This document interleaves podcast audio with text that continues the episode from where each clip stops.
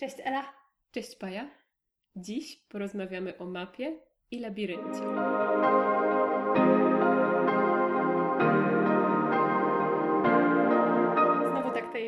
Lubimy to robić. Ten proces wymyślania tego, co powiemy na początku, to zawsze jest taka ostatnia chwila. Już siedzimy, mamy nagrywać i teraz kurczę, co tu powiedzieć? A tym razem było bardzo łatwo moim zdaniem wymyśleć, co powiedzieć Wam na początku jako taki wstęp do odcinka, który zawsze Wam proponujemy. Więc mapa i labirynt to motyw przewodni naszego odcinka i dwóch książek, które dla Was mamy. Tak, dzisiaj Paja chce się z Wami podzielić swoimi ostatnimi lekturami, bo tak się złożyło, że trafiła na dwie świetne książki w bardzo jesiennym klimacie. W bardzo jesiennym E, klimacie. Także odpowiednie na te wieczory, które właśnie się zaczynają i które właśnie z tego, co mi już zdążyła opowiedzieć, a myślę, że zaraz wszystkim nam opowie więcej, mają ze sobą wiele wspólnego. Właśnie, e, jakbyś to w skrócie powiedziała, co jest takiego w tych dwóch książkach, zaraz Wam zdradzimy ich tytuły, ale co je łączy? Wydaje mi się, że takie poszukiwanie, odkrywanie, gdzie leży problem, albo kim tak naprawdę jestem, ale myślę, że to poszukiwanie to jest ten najważniejszy motyw, coś, co łączy te dwie książki. I tak jak mówisz, one się świetnie nadają na długie jesienne wieczory, przynajmniej moim zdaniem.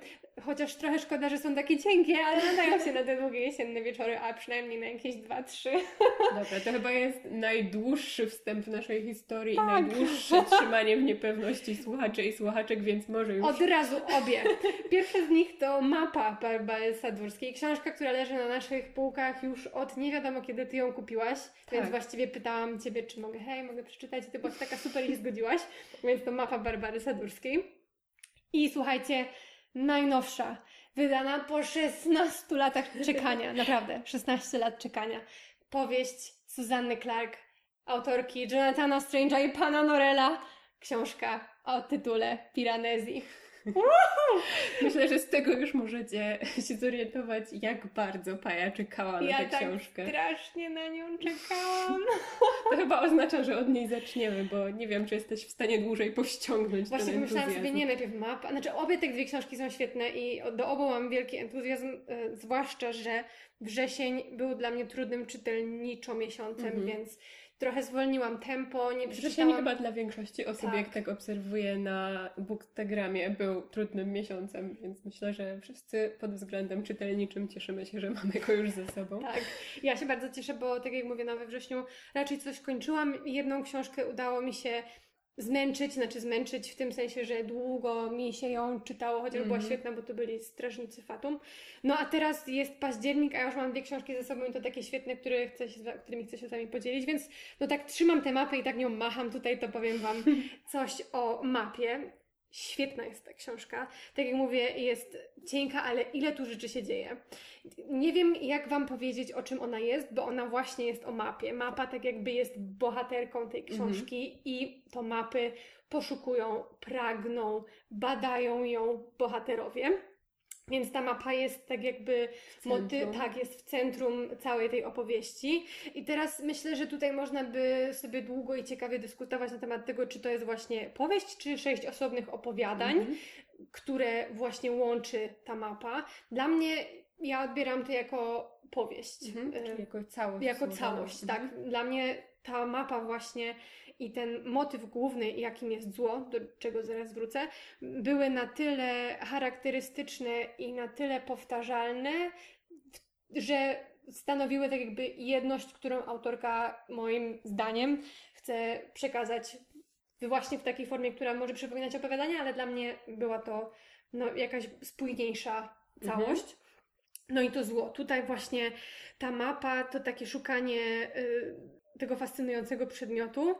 No, za tą mapą ciągnie się mnóstwo nieszczęść i to zło, które się pojawia, to przybiera najróżniejsze formy, bo autorka zabiera nas do średniowiecznego klasztoru, mamy tutaj Rembrandta, mamy tutaj pojawiający się wątek zagłady, mamy esbeków, no po prostu bardzo dużo rzeczy się tutaj pojawia właśnie w kontekście tego zła i to zło zawsze jest straszną y, tragedią, ale pojawia się w nowych odsłonach, zawsze w Mhm. towarzystwie tej mapy.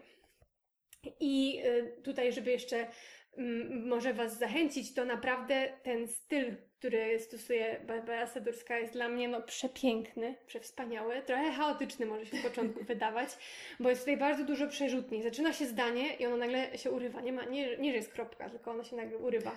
I potem to zdanie musimy gdzieś powoli, po śladach, jak po mapie, Mhm. dojść do jego zakończenia, albo jakiejś kontynuacji, albo czegoś, co może być zakończeniem, albo kontynuacją tego zdania, które nagle się urwało. Więc tutaj zarówno to, o czym się pisze, ta, i to, jak się pisze, jest silnie ze sobą złączone. No właśnie, cieszę się, że pierwsza przeczytałaś tę książkę, bo szczerze mówiąc, ona dlatego tak długo leżała na półce, że ja przeczytałam tyle fantastycznych recenzji, że bałam się rozczarowania, które może mnie spotkać. No właśnie, bo to ty E, wybrałaś tę książkę tak, i, i ty tak. siedziałaś w, tym, w tych tekstach dookoła.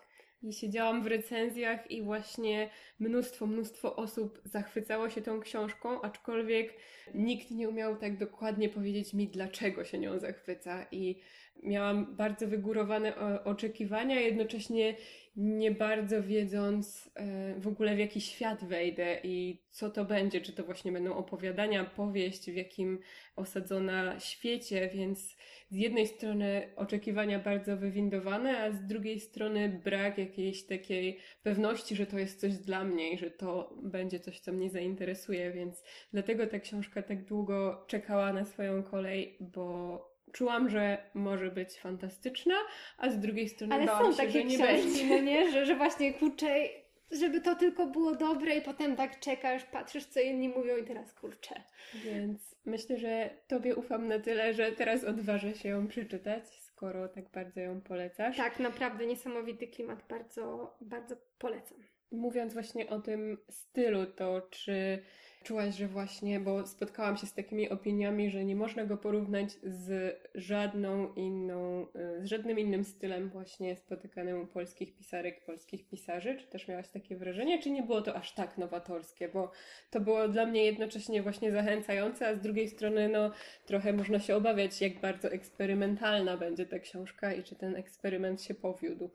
Mm, powiem tak, nie czytam wielu polskich Mhm. e, pisarzy i pisarek, żeby móc odpowiedzieć na to pytanie w kontekście Polskiej tak, literatury. polskiej Mhm. literatury, ale tego, co czytam ogólnie, też dopiero niedawno wróciłam do powieści, więc tak widzicie, jak zachowawczo się tutaj, jak zachowawczo No tutaj właśnie, e, działam. odpowiadaj. Odpowiadam, okej. Y, No, dla mnie to było bardzo nowatorskie i świetnie zrealizowane, bo no, autorka postawiła przed sobą wiele trudności Mhm. i jednak stwierdziła, będę tak pisać i jest w tym świetna. Więc Mhm. dla mnie było to bardzo nowatorskie i ciekawe przeżycie. I żeby powiedzieć, z czym ona mi się kojarzy, tak Mhm. klimatycznie, to może trochę teraz też tak, zas, tak sobie zastrzegę gwiazdka. Do Zafona, znaczy ja nie, nie przepadam za Zafonem, y, ja tylko byłam na tej niesamowitej fali um, Cmentarz Zapomnianych Książek, Cień Wiatru, Cień tak się ta Wiatru. książka nazywa, tak dawno ją czytałam, wiem, że to jest Cień Wiatru. I, i, I że ten, ta atmosfera, która tam była, że właśnie jakaś taka tajemnica, Mhm. poszukiwanie czegoś, jakaś dawna zbrodnia, więc to jest ten taki klimat, oczywiście Cień Wiatru to jest tomiszcze ogromne, a to jest cieniutka książka, więc tak, więc styl zupełnie inny, ale jeżeli chodzi o klimat, to to, to, to jest coś, co tak do mnie wracało. I też dział Mekabre wyznaje. To Mhm. z kolei w, w formie, oczywiście znowu dział Mekabre wyznaje, to jest po prostu takie tomiszcze. Y, I, I ten, za to właśnie w przypadku wyznaje też ten styl wydaje mi się był bardziej podobny. W wyznaje mieliśmy z kolei skrzypce, więc Mhm. też przedmiot jako coś, Który- co tak mhm. przechodzi z ręki do ręki, z pokolenia na pokolenie, gdzieś tam się gubi, jakaś tragedia z tym jest związana, więc tutaj dla mnie dużo było takich klimatów. Tak, Jeśli rzeczywiście. miałabym powiedzieć, Mhm. jak mi się to kojarzy, więc jak widzicie, no naprawdę no długie jesienne wieczory z 200-stronicową mapą polecam. To ja już niedługo zacznę w takim razie. Okej, to teraz możemy przejść do Suzanny Clark. Tak, Słuchajcie, na tak, czekam na to. Susanna Clark, tak jak Wam mówiłam, to była 16-letnia przerwa. To można porównać tylko do wyczekiwania na kolejną Donnę No Tartt. właśnie to chciałam powiedzieć. I naprawdę Jonathan Strange i Pan Norell e, po prostu to była dla mnie tak ważna książka. Znaczy ja ją tak kochałam, po prostu.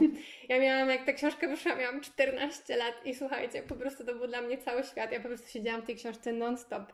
I jakoś tak Susanna Clark została ze mną w taki bardzo intymny, czytelniczy sposób. Mhm. I gdy dowiedziałam się, że będzie jej nowa książka, to po prostu padłam z wrażenia.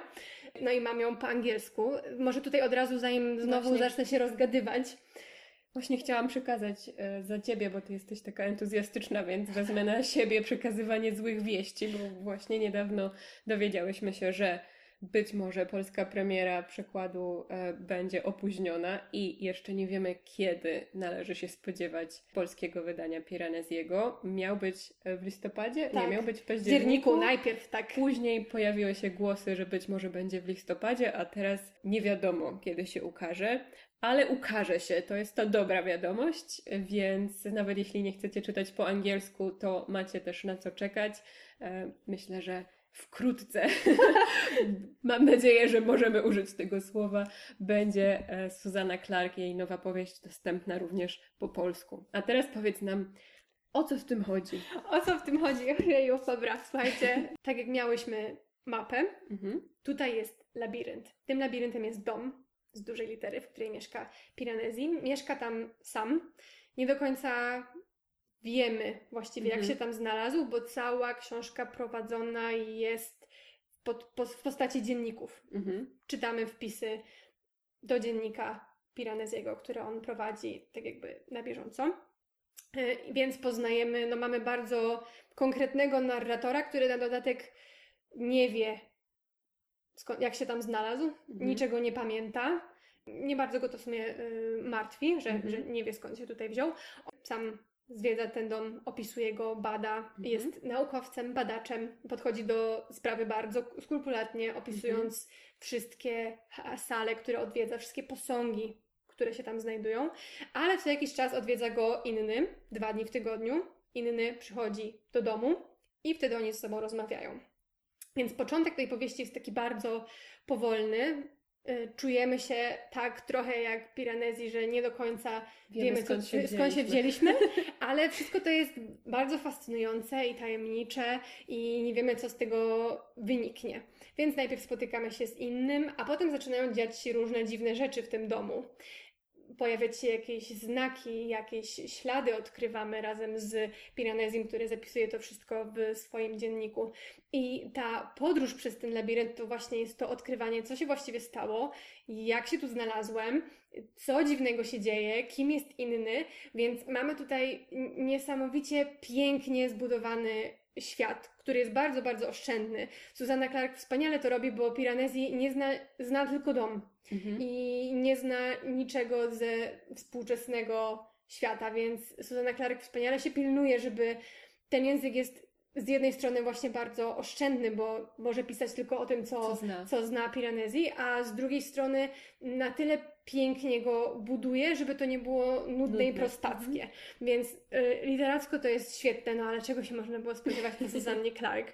Y, jest to też, ja tak mówię o tym Jonathanie Strange'u, ale wydaje mi się, że to generalnie jest bardzo ważna książka dla osób, które podejdą do Piranesiego. Mhm. y, będą już znać i czekać na tę książkę właśnie ze względu na mm, Jonathana Strange'a. Jonathan Strange jest zupełnie Inny. inny, zupełnie Mhm. inny. Jonathan Strange to znowu grube tomiszcze, gdzie... Właściwie trzy. Tak, trzy grube, trzy grube tomiszcze, gdzie autorka bardzo się bawi różnymi konwenansami. To jest trochę takie, trochę powieść austenowska, trochę, jest tam mnóstwo przypisów, pamiętasz, że po Pamiętam. prostu przypisy na trzy strony. I ta zabawa formą jest niesamowita. Tutaj mamy bardzo, bardzo oszczędną formę, bardzo oszczędne słownictwo, które wprowadza bardzo klimatyczny nastrój podróży po labiryncie.